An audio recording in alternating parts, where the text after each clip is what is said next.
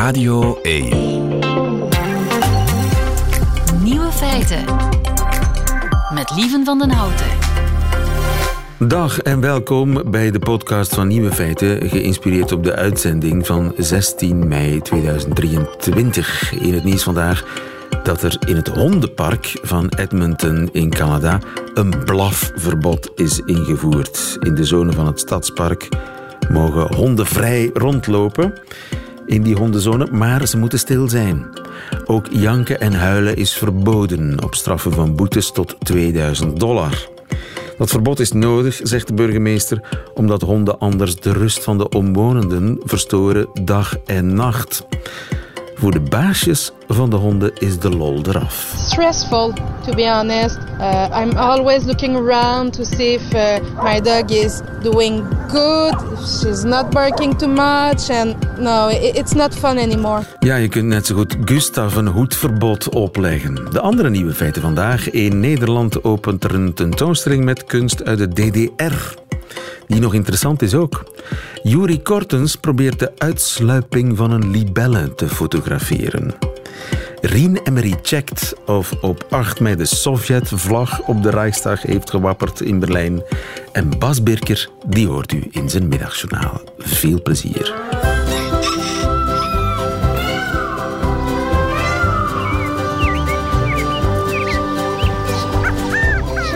Juri Buiten. Kortens. En dat is een uh, zeer gehoorzame jongen. Als we zeggen Juri buiten, dan gaat hij naar buiten. Goedemiddag, Juri. Goedemiddag. Juri Kortens van Natuurpunt. Je bent buiten. Wat ben je aan het doen? Ja, met veel plezier ga ik dan naar buiten ook, lieven. En ik sta weer langs het water. En ik heb mijn camera hier gericht op een, uh, een libellenlarve die uit het water is gekropen en die nu op het punt staat om uit te sluipen. Oeh, wacht. Ja. Even terugspoelen. Ja. Een libellenlarve kruipt Mhm. uit het water. Ja, Oké, wat betekent dat? Dat betekent dat eigenlijk zo'n libellen, die wij, die wij kennen van, van vliegende dieren boven het water, dat die twee, eigenlijk... ik denk altijd dat is een tweedekker. Maar dat is geen Ja, tweedekker, hè? of toch? Dat lijkt erop. Ja, ja wel, want die heeft in, tota- in totaal vier vleugels. Twee Aha, voorvleugels, twee achtervleugels. Maar ze staan niet boven elkaar. Ze staan voor en achter elkaar, die vleugels. Ah, ja. Ehm, nee, maar dat lijkt daar inderdaad wel op. En, en de illusie wordt vaak gewekt van die tweedekker, omdat wanneer zij hun voorste vleugels naar beneden slaan, dan slaan ze automatisch hun achterste vleugels naar boven. Dus dan krijg je zo een, een illusie daarvan. Dus ik kan het perfect begrijpen. Maar die dieren die gaan dus het grootste deel van hun leven onder water doorbrengen. Voor sommige soorten gaat dat tot vijf, zes jaar dat zij onder water leven als, ja, eigenlijk monstertjes. Je, je, moet, het, monstertjes? je moet het zeggen hoe dat het is. Ze zien er niet uit. Ze, ze zitten onder de modder, onder de algen. Zo lijkt het wel. Een soort van moddermonster met een heel groot vangmasker, waarmee ze dan insecten gaan vangen vangmasker? onder water. Ja, je moet dat een beetje voorstellen. Dat is een soort van, ehm laat ons zeggen, zo- zo'n soort van hefkraan die, eh, die, die in verschillende, eh, met verschillende buigpunten. En daarmee kunnen ze razendsnel uithalen naar voren. Eh, dat is een hydraulische druk dat ze daarmee creëren. En zo kunnen zij bijvoorbeeld, ik zeg maar, een dikkopje vangen van een kikker. Of, of een andere insectenlarve die ook onder water leeft. Of soms zelfs een klein visje. Dus die libellenlarven, dat zijn echte rovers. Ja. Leven het grootste deel van hun leven onder water. Als een soort vormeloze klodder. Ja, vormeloos is het niet helemaal, maar je, je, je kan het vaak inderdaad heel moeilijk zien, omdat er heel wat modder en, eh, en algen op zitten. En nu kruipen zij dus uit het water, of althans de eerste voorjaarssoorten kruipen uit het water. Ze gaan op een stengel zitten. Hebben ze pootjes om te Ze hebben pootjes. Ah, ja. Ja, ze hebben echt pootjes. En eigenlijk lijken zij goh, van ver al op een libel. Want eh, we zeggen wel een larve, maar eigenlijk moet ik zeggen een nimf. En het verschil Nimf. is eigenlijk... Je bent Ja, een poëet, Juri. ja, ja nee, maar het is, het is, de biologie is ook poëzie voor een groot Het is deel. officieel een nimf. Het is officieel een nimf. En wat wil het eigenlijk zeggen? Een larve, dan spreken we bijvoorbeeld van een made of een rups, hè, van een vlinder, waarbij je nog een popstadium hebt en dan plots een grote metamorfose plaatsvindt hè, bij, bij, bij het ontpoppen of het verpoppen. Bij, bij de libellenlarve komt het eigenlijk op neer dat, die, dat, die, ja, dat monstertje onder water, dat die eigenlijk bij elke vervelling dat die heeft, die groeit in vervellingen. eh, En heeft die dat vervellingen die ook onder water dan? die doet hij ook onder water. Ja, Dus die vervellen een aantal keren.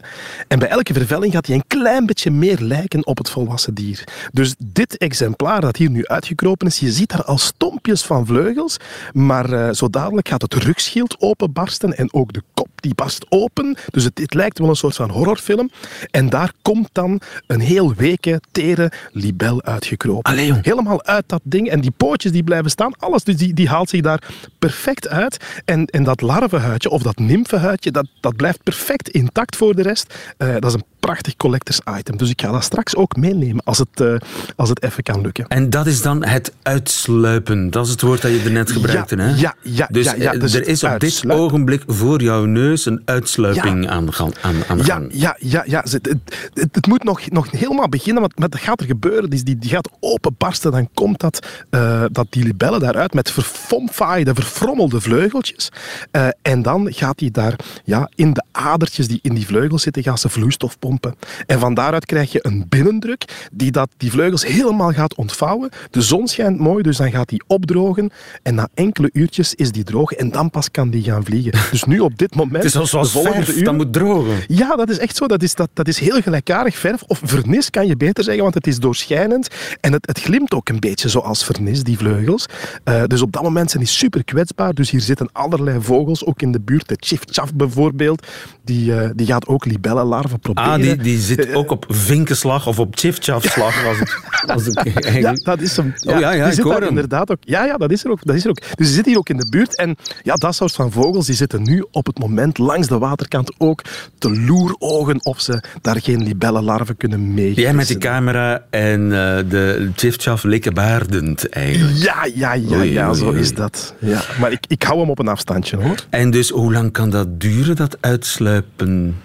Oh, dat duurt toch wel enkele uren. Hè. Dus Ah. er zijn sommige soorten waarbij dat, dat supersnel gebeurt. ehm, dat, die, dat die eigenlijk ja, op, op een kwartiertje eruit is bijvoorbeeld. Maar bij sommige, eh, of in sommige gevallen, kan dat echt wel een paar uur duren voordat dat dier er helemaal uit is. Eh, en dan nog enkele uren drogen. En soms zelfs nog ja, enkele dagen vooraleer ze helemaal opgedroogd en uitgekleurd zijn. Ja. Dus in het begin zien ze er een beetje ja, grauw uit van kleur. En dan na, na enkele dagen dan krijgen ze hun prachtige blauwe of rode of, uh, Nou, het, zijn, het zijn schitterende beesten, hè? Het zijn prachtige beesten, ja. ja En ook hoe die kunnen vliegen, wat die allemaal doen.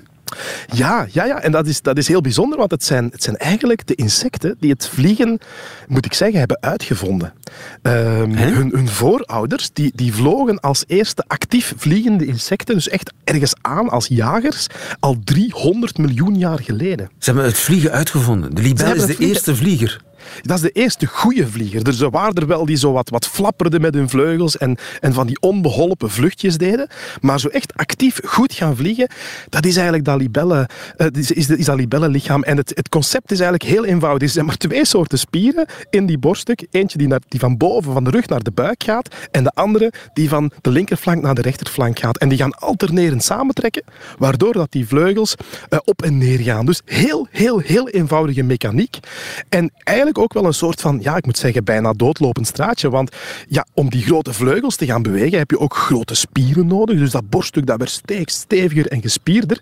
Maar daardoor word je eigenlijk als het ware topzwaar. Dus die libellen die werden van voor heel zwaar. En dat hebben ze dan gecompenseerd door een heel lang achterlijf. En daardoor komt die, ja, die bijzondere vorm- die we van, eh, die we van libellen kennen. Ik hoorde er net een koekoek overigens. Ja, ja die, is, die, zit er ook. Die is ook te koekoeken. Die is op zoek naar eh, de nestjes van de kleine karakiet in het riet hier. Ah ja, Dus, maar eh, niet, niet de, de libellen-nymf. Nee, pas op, dat zou wel kunnen, want koekoeken die eten dat ook wel, maar die blijft over het algemeen graag hoog en droog in de bomen. Dus Ja. niet eh, met de voetjes in het water. Dus het is eigenlijk een zeer oud dier. Het, is, het dier vloog eh, ja, samen met dinosauriërs. Ja, dat is ook zo. Dat is, ja, en, en eigenlijk de Engelse benaming dragonflies, drakenvliegen, eh, ja, dat verwijst daar ook voor een deel naar. Hè. Dus die, die, die, die oudste libellen, die vlogen gewoon rond de draken die ooit op onze planeet hebben rondgelopen, rond die dinosauriërs, vlogen er al libellen. En daar waren dus ook exemplaren bij met een vleugelspanwijdte van ja, tot 70 centimeter zijn er teruggevonden, fossielen. Dus 70 dat- centimeter. ja, ja, ja, ja. Nu op dit moment is dat misschien 15 of 20 centimeter. Maximaal maximaal, dan heb je al een reuze libel. Maar uh, ja, er zijn er dus ooit geweest van 70 centimeter ja. En ze kunnen ter plekke blijven, ze kunnen achterwaarts voor. Het zijn echte acrobaten, hè? Het zijn echte acrobaten, want het zijn jagers ook. Hè. Dus ook boven water jagen ze. Onder water zijn het ook jagers, maar boven, jagers, boven water gaan ze op, uh, op zoek naar allerlei insectjes. Muggen bijvoorbeeld, uh, die er ook wat zijn deze periode. Daar gaan ze volop achteraan. En ze hebben twee manieren. Er zijn, er zijn erbij die ergens gaan zitten gewoon rustig uitkijken van wat vliegt er in de buurt en daar dan uithalen. Ze, ze, ze, doen een uitval naar hetgene dat in zijn buurt komt. En dan de andere methode is, ja, je gaat gewoon patrouilleren. Je vliegt ergens langs een bepaalde route in het water of boven het water en alles wat je tegenkomt probeer je te scheppen. En ze hebben dus van die hele lange poten.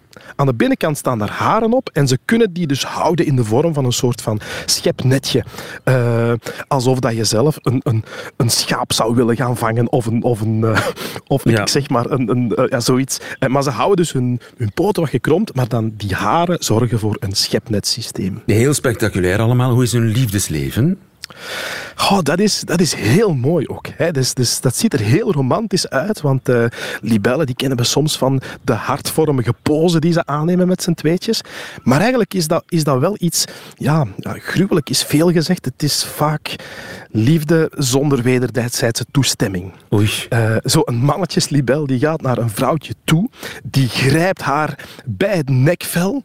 Uh, die hebben dan een soort van halsschildje, zeggen kom meekomen. Die heeft kleine tangetjes achteraan, dat mannetje. En dan vliegen ze als een soort van tandem over het water.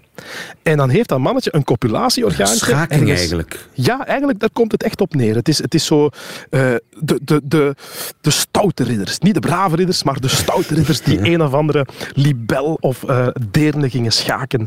En wat ze dan doen is, die vrouwtjes, als ze dan wel zin hebben, ze moeten wel toestemming geven, want dan gaan ze hun achterlijf krommen naar het middelpunt ongeveer van het lichaam van die mannetjes. En op dat moment zien ze er een beetje uit als een hartje. Een hartje dat een klein beetje scheef gezakt is weliswaar, maar, maar dat is dan die pose, dat is de eigenlijke paring. En dan gaan ze ook samen eitjes afzetten. En dat, dat klinkt dan ook heel uh, romantisch, ah, samen eitjes gaan afzetten. Maar samen eitjes? Man... Ze leggen elk eitjes? Nee, het, mannetje, ah. het vrouwtje legt de eitjes, maar het, vrouwtje houdt haar, het mannetje houdt haar tegelijkertijd ook vast. Ah. En, en de reden is niet... romantiek. Nee. Ja, dat is, ja, je zou denken romantiek, maar er zijn andere mannetjes, schakers op de kust, uh, kapers op de kust. Dus uh, ja, als je dat vrouwtje loslaat, dan wordt hij meteen door een ander mannetje gegrepen.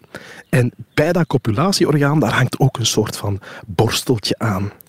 En met dat borsteltje kan je eerst de zaadcellen van de vorige gaan verwijderen, vooraleer je zelf je eigen zaadcellen deponeert. Dus als je vader wil zijn, dan moet je ook zeker zijn dat de eieren worden afgezet met jouw zaadcellen. Ja, anders worden ze weggeborsteld.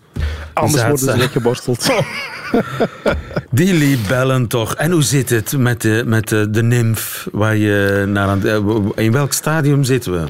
Ze, ze, ze, ze, beweegt nog altijd niet zo heel veel. Ze zit daar nog maar te wachten. Maar hier kwam net wel een prachtige uh, rombout voorbij gevlogen. En dat is een van, ja, dat is een libellensoort. Die is geel met zwart. Uh, en ja, rombout, dat is zo een oude benaming voor libellen.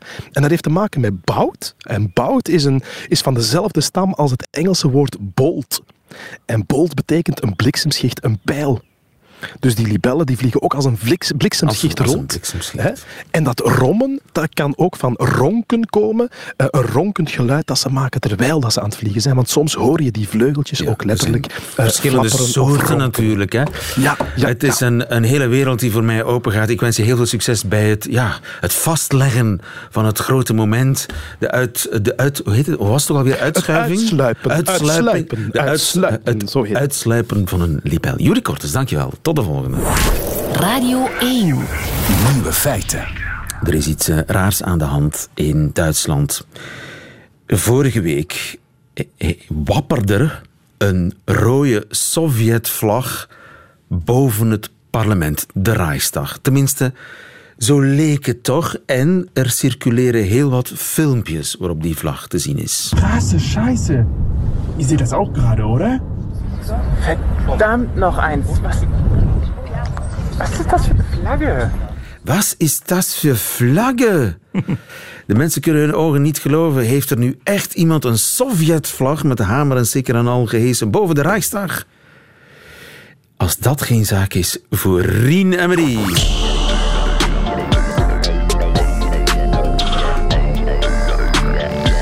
De nieuwe feitenchecker. Rien, goedemiddag. Goedemiddag. Je hebt de filmpjes ook gezien. Ja. Het zijn er meerdere. Verschillende. En ook foto's trouwens. Foto's, filmpjes. En die zijn overal, die circuleren. Die begonnen te circuleren op de ochtend van 8 mei. Afgezien van, de, van, de, van, van het tijdsbestek wordt eh, het einde van Wereldoorlog 2 gevierd op 8 of 9 mei. En op 8 mei in de ochtend begonnen die video's te circuleren op sociale media. Eh, en er werd beweerd van, ja, dat zijn video's die komen van Duitse sociale media. Mensen hebben die spontaan online gezet. Omdat Ja, ik ze heb ook ver- Duits gehoord. Dat was iets dat voor een vlagge. Ja, je, klonk, je hoorde een Duitse klankwand, dat klopt, Duitse stemmen. Ehm, ja, dat, De- dus dat circuleerde wel degelijk, dat klopt. En kunnen we achterhalen wie dat gepost heeft? Ja, dat, dat is gebeurd. eh, dat is achterhaald.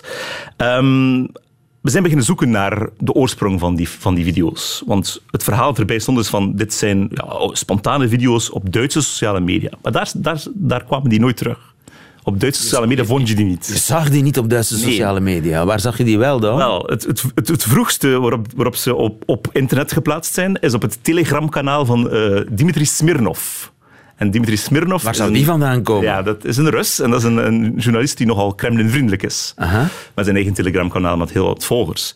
En die beweerde van... Ja, dit zijn eh, video's van op Duitse sociale media. Maar daar stonden ze niet op. Wel een beetje raar, hè? Een beetje raar. En dan zijn, zijn we ook eens heel goed gaan kijken naar die video's. En ik, het geluid, de geluidsband, de, de Duitse uitspraken klinken niet super geloofwaardig. Ze zijn een beetje ingestudeerd en ze klinken nogal fake eigenlijk. Ah. Ja. Kunnen we, kunnen we daar nog eens naar luisteren? We gaan, we gaan heel snel nog eens uit de kast halen. Dus je denkt dat het een soort geacteerd Duits is. Dat erop geplaatst is, ja. Erop geplaatst. Er is ook een vrouw die, die op een gegeven moment zegt van... Dat is de vlag van de overwinning. In het centrum van Berlijn. Krasse Scheiße. Ihr seht das auch gerade, oder? Verdammt noch eins. Was, was ist das für eine Flagge? Ja, het, inder- inderdaad, het lijkt een, een, slechte serie. Ja, dat is, dat is, dat is het eerste, de eerste clue. Maar dan, als je heel goed naar de beelden kijkt, kan je zoiets doen dat heet chronolocatie. Dus je wil een video in de tijd lokaliseren.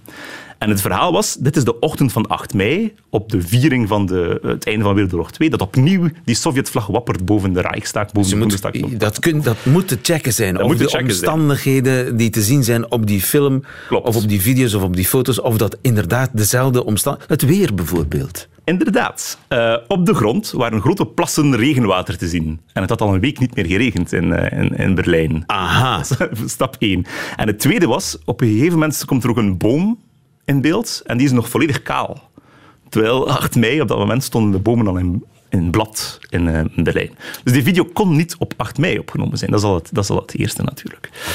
Ehm, en dan eh, heeft men natuurlijk ja, de, de persdienst van, de, van, de, van het parlement gecontacteerd. En die ontkennen dat er ooit iets, zoiets gebeurd is. Maar het ging dus om een zeer gecoördineerde actie waarbij men wou appelleren aan een iconische foto uit de Tweede Wereldoorlog, waarop inderdaad in mei 1945 de Sovjetvlag gehesen ja. werd boven de Reichstag. Dat was een van het de bekendste ultieme, foto's ultieme symbool van de kracht van het Rode Leger. van de overwinning van, eh, van de Russen op de nazi's. Ehm, dat is een beeld dat heel hard nog altijd leeft en ook gebruikt wordt. Hè. Het podium achter Poetin op de viering in, eh, in Moskou van, Op 8 mei. op 8 mei of op 9 mei. Of op het 9 mei, ja, whatever. was, was die grote foto van die vlag die geheest werd boven Juist, de Reichstag, ja. was, daarop, was daarop te zien op het grote, op het grote scherm achter hem. Dus Ja. dat, is een, dat is een iconische foto en men wou doen alsof dat opnieuw gebeurd was. En dat werd heel hard overgenomen door de Russische staatsmedia. En men beweerde dus van het zijn video's van op Duitse sociale media, maar die zijn nergens terug te vinden. En ze konden ook niet dateren van 8 mei. En dus op basis van videoanalyse vermoedt men van dit is volledig gedrukeerd, maar wel redelijk En weten we nu wie daar... Is dat die Smirnov die daarachter zit? dat, dat weten we niet. Wie er, wie er per se achter zit, dat weten we niet. Ehm, Het idee is dan om een soort eh, eh, ja, overwinningsroes ja, maar wel ook... wat- maar te, te, te promoten. het was ook een beetje een, een soort trollactie. Waarom? Omdat net ervoor was in Berlijn een, eh, een regel, reglement afgekondigd dat Russische vlaggen, Sovjetvlaggen En ook die, dat typische overwinningslint, die, die zwart-gele linten die soms in een Z-vorm worden gemaakt. hè. Die, die drie symbolen waren verboden tijdens de herdenking van, de, van het einde van Wereldoorlog 2 in Berlijn. En dat is een, een regel, reglement dat dan ehm, aangeklaagd werd en eh, juridische zaken rond, rond eh, verschillende juridische zaken. Eerst was het opnieuw dan weer goedgekeurd en dan was het opnieuw afgekeurd. Dus dat is zo... een soort reactie, Ja, een soort en- jennerij. Ja, ja, maar we een beetje... Jullie verbieden onze vlag en kijk eens, we gaan eens doen alsof onze vlag, of ja, onze, de rode, het rode legervlag 1945, of we die, die, die, ja, die oorspronkelijke foto kunnen reenacten, zeg maar. Overigens is die oorspronkelijke foto, die is toch wel echt, mag ik hopen. Wel, er is een versie van die echt is, maar de, de versie die verschenen is toen in de pers, in 1945 zelf, was al getruckeerd. Allee. Op twee manieren.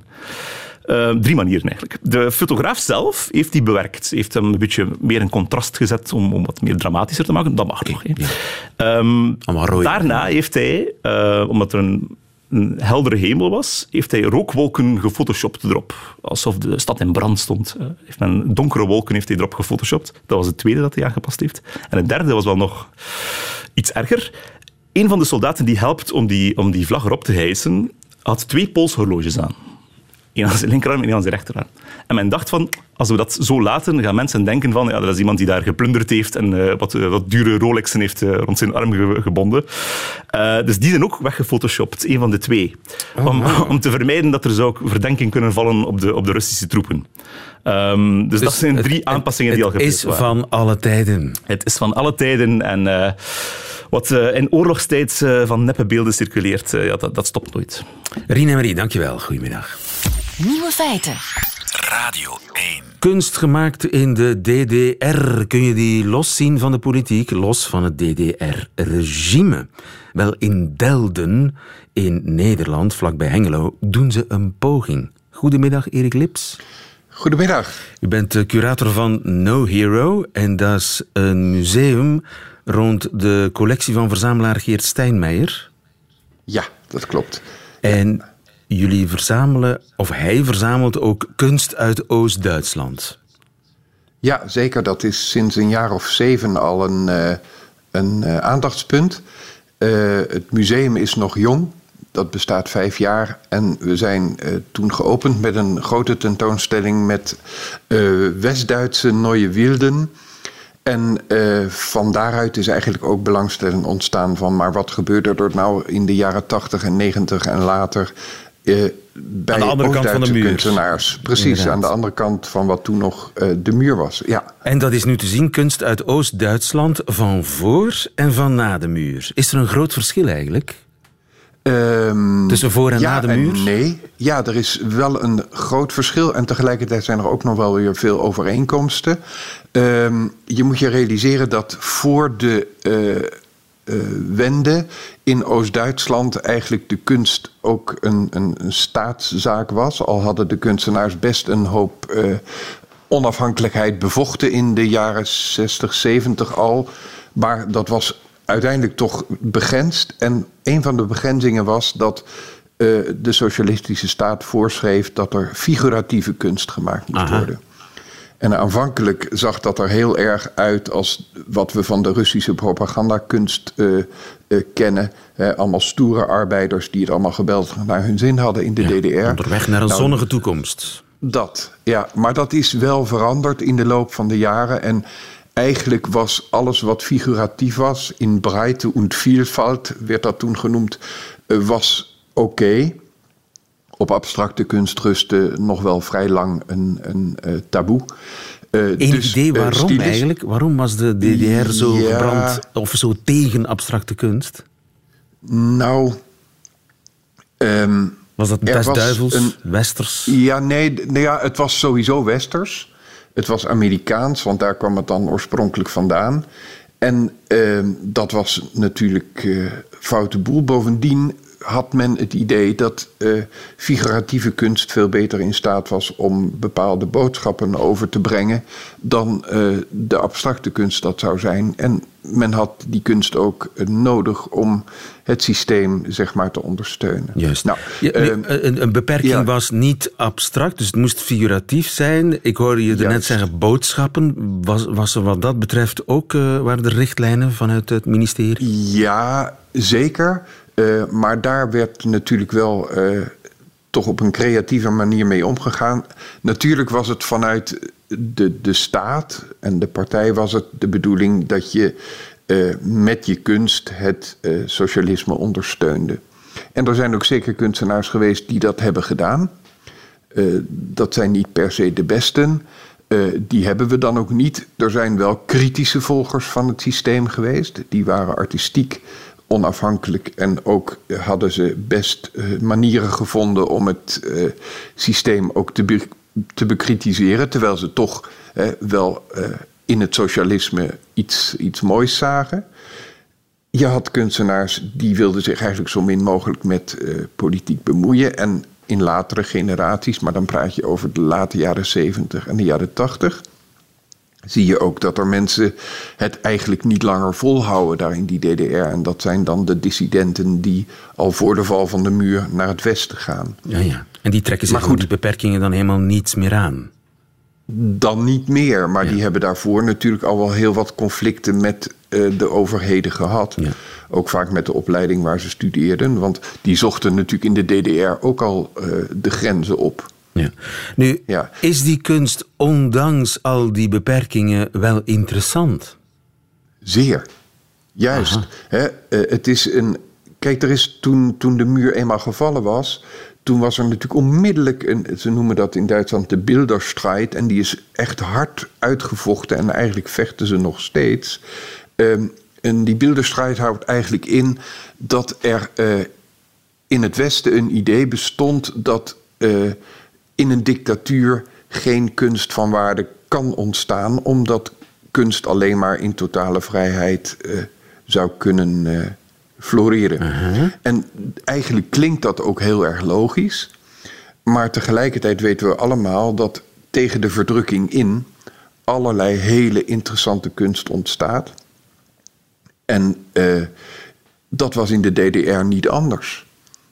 Daar waren heel veel kunstenaars die eh, ehm, op hun manier probeerden in hun werken iets anders mee te geven dan wat de staat misschien deed. Daar, daar, daar werden ze natuurlijk ook handig in. Er waren allerlei eh, metaforen voor eh, kritiek op het regime. Een hele mooie is altijd het thema van Icarus. Hè, de, de man die met zijn wassen vleugels naar de vrijheid wil. En die staat eigenlijk voor twee dingen. Voor het verlangen naar vrijheid. Maar hij staat ook voor de hoogmoed van, van de DDR. Hè, met zijn hooggestemde idealen die eigenlijk nooit eh, gehaald Ja, dus worden. het waren Dus dat ver- was dat- verborgen boodschappen die daarin Juist, zaten. ja, heel vaak. En dat maakt het werk natuurlijk super interessant, omdat dat er altijd meerdere lagen in zitten. Andere laag is ook altijd dat ze verwijzen naar eerdere eh, schilderkunst uit Duitsland. En dan eigenlijk met name naar de periode van de Republiek van Weimar. Dat is tussen 1919 en 1933. Die korte periode van enorme bloei en moderniteit van eh, de Duitse kunst waar eh Nazi-Duitsland een einde aan maakte. Maar eh, de DDR zag zich toch wel als, als erfgenaam van die, die Weimar-kunst. Dus die, daar, daar zie je heel veel trekken van terug. Nou, dat is heel mooi en, en heel krachtige kunst ook. Ja, en En dat- en het is merkwaardig dus dat, dat aan de ene kant zitten ze in een soort reservaat. Ze missen een heleboel treinen die in Parijs, in New York aan het rijden zijn. De abstracte expressionisten. Ja. Andy Warhol, noem maar op, pop art. Rothko, missen ze allemaal. Ze, ze blijven klopt. in dat figuratieve zitten, maar juist dat maakt het misschien wel interessant. Nou, het is, kijk, het is zeker waar. Hè, de, de, de westerse kunst van na de oorlog had natuurlijk eh, ook nog al wat vragen te beantwoorden. Eh, wat, wat doen we überhaupt met de kunst na Auschwitz? En daar leek die abstracte kunst dan een, een, een veilig en onbesmet eh, antwoord op. Maar in de DDR zaten ze natuurlijk ook niet stil. En hun kunst was ook een antifascistische kunst, zeker in het begin. En daar, daar probeerden ze binnen de grenzen van die figuratieve eh, ja, dwang. eh, toch heel veel in te leggen. En dat konden ze ook, omdat we, en dat is ook een enorme verrassing voor heel veel mensen. dat het opleidingsniveau aan de kunstopleidingen in de DDR buitengewoon hoog was. Ja, technisch waren ze heel sterk. Technisch waren ze ontzettend sterk. En qua kleuren, ze kiezen ook enorm voor kleur. Ook iets wat je niet meteen verwacht. Hè, van eh, toch dat grauwe beeld dat wij van die DDR hebben. Eh, er werd ontzettend kleurrijk en, en, en interessant en vooral ook heel knap geschilderd. Ja, die Überraschung, hè, dat eh, is Ja. ook de titel van de tentoonstelling. En het is eigenlijk nieuw dat je naar kunst uit een foute tijd met een welwillend oog kijkt. Ja. In Duitsland bijvoorbeeld een- zou dat niet mogelijk zijn. Nou, dat, is, dat, ligt, dat ligt behoorlijk ingewikkeld. Eh, er zijn heel veel tentoonstellingen geweest eh, van eh, Oost-Duitse kunstenaars. Eigenlijk al voor 1989, dus voor de val van de muur, was dat in het kader van de toenadering tussen de beide Duitslanden heel gewoon. Maar na de val van de muur is daar eigenlijk vrij snel, na een eerste hoos, toch ook weer een, een enorme inzakking van, de, van het gemak waarmee dat eh, voor die tijd gebeurde, is er gekomen. Omdat men toch met die kunst eh, een beetje in de maag zat.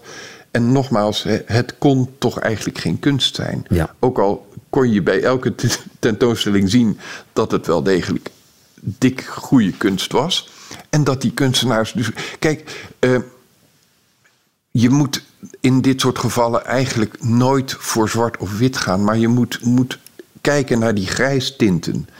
Al die kunstenaars hebben op hun manier geknokt met dat systeem. Zelfs de mensen die er hoge functies in hadden, eh, die hebben hun eh, vrijheid zo goed als, en zo kwaad als het ging gezocht en, en bevochten. En eh, ja, we hadden het er net over van... is er een verschil in het werk van na de wende? Nou, dan kom je daar zeker op terecht. Want al die kunstenaars, of ze nu dissident waren... of, of politiek zoveel mogelijk eh, afzijdig... of juist met het systeem verknoopt... na 89 moesten ze zich allemaal opnieuw eh, uitvinden... als kunstenaar en als mens... En daar, daar leggen ze dan ook in hun werk weer eh, ja, verslag van. Dus dan krijg je veel meer persoonlijker werken van mensen hè, die, die zich inderdaad ook, ook voor de spiegel afvragen: maar wie ben ik nog Ja, als kunstenaar? Voor en na Ja. de wende. Erik Ja. Lips, mag ik je hartelijk danken voor dit gesprek. Eh, De tentoonstelling heet Überraschung en loopt in het museum No Hero. En dat is in Delden bij Hengelo. Dankjewel. Nog een fijne Ja, dag. goed, graag gedaan. Hetzelfde. Dag. Radio 1. Nieuwe feiten. En dat waren ze meteen, de nieuwe feiten van vandaag, 16 mei 2023. Alleen nog die van Bas Birker, die heeft u te goed. En u krijgt ze nu in zijn middagjournaal. Nieuwe feiten. Middagjournaal.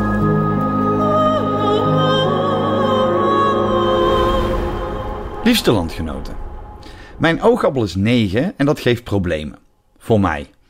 Hoe graag ik haar ook zie, ik blijf worstelen met de constant veranderende leefwereld van een kind en de daarmee gepaard gaande schoolpleinrages. Ik loop altijd achter. Tegen de tijd dat ik een fatsoenlijke eenhoorn kon tekenen, kreeg ik te horen dat unicorns helemaal nooit bestaan hebben hoor. Toen ik alle liedjes van Kaatje uit mijn hoofd kende, was Kaatje wel voor kleuters hoor. En nu is het 2023 en draait alles om Like Me. Niet het gedrag op sociale media, want dat beheers ik als geen ander. Wel het zoetsappige, ongeloofwaardige aftreksel van een high school musical. En dat is een belediging voor het woord aftreksel, want daaraan houd je doorgaans nog een goed gevoel over. Geen vieze smaak in je mond en bloed uit je oren. Het probleem is dat mijn dochter, in tegenstelling tot haar vader, wel de afstandsbedieningen snapt. Ik zou niet weten hoe je Netflix streams en VRT Max moet aanzetten. Laat staan uitzetten. En dus drink ik iets te vaak mijn ochtendkoffie onder het genot van Nederlandstalige klassiekers, gezongen door een bende veel te vrolijke tieners, Hugo Sigal en Sven de Ridder. Die laatste speelt de man van Günter Levy, op zo'n stereotype wijze dat zelfs Martien Meiland heeft gevraagd of het wat minder kon. Maar mijn grootste probleem zijn de stickers. Elke rage heeft zijn stickers en Albert Heijn weet dat. Dus kreeg je maandenlang bij besteding van 20 euro een pakje Like Me stickers. Nu doe ik de boodschap in Huizenbirker en dus kon ik een hele tijd doen alsof mijn neus bloedde in plaats van mijn oren. Maar dat was buiten Nanoe Birker gerekend. Wekenlang ben ik bij thuiskomst gefouilleerd op de aanwezigheid van de stickers en indien nodig met het kastticket teruggestuurd. Ik had me het vaderschap ook anders voorgesteld. Mag ik de Like Me stickers? Hoorde ik mezelf vragen. Voor de dochter zeker? antwoordde een andere volwassen man. Nee, antwoordde ik op de vuilste toon die ik kon. Ik ben dol op zingende tieners. En Sven kan mij krijgen. Het gevolg? De medewerkers van Albert Heijn wilden zo graag van me af dat ze me overladen met stickers. Als ik maar wegging. Lang verhaal kort. Ik heb vanmorgen alles ingeplakt en ik zoek alleen nog nummer 69. Dus als er iemand wil ruilen, je vindt me op de parking van de supermarkt. Mijn dochter komt niet mee. Die is nu fan van The Masked Singer. Want Like Me is zo nep.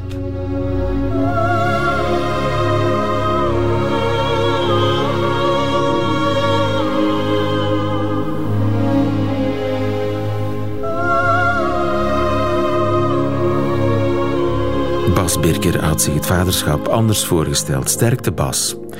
Meteen het einde van deze podcast. Hoort u liever de volledige nieuwe feiten met de muziek erbij? Dat kan natuurlijk elke werkdag tussen 12 en 1 op Radio 1 live. Maar on demand ook via de Radio 1 app of website. Tot een volgende keer.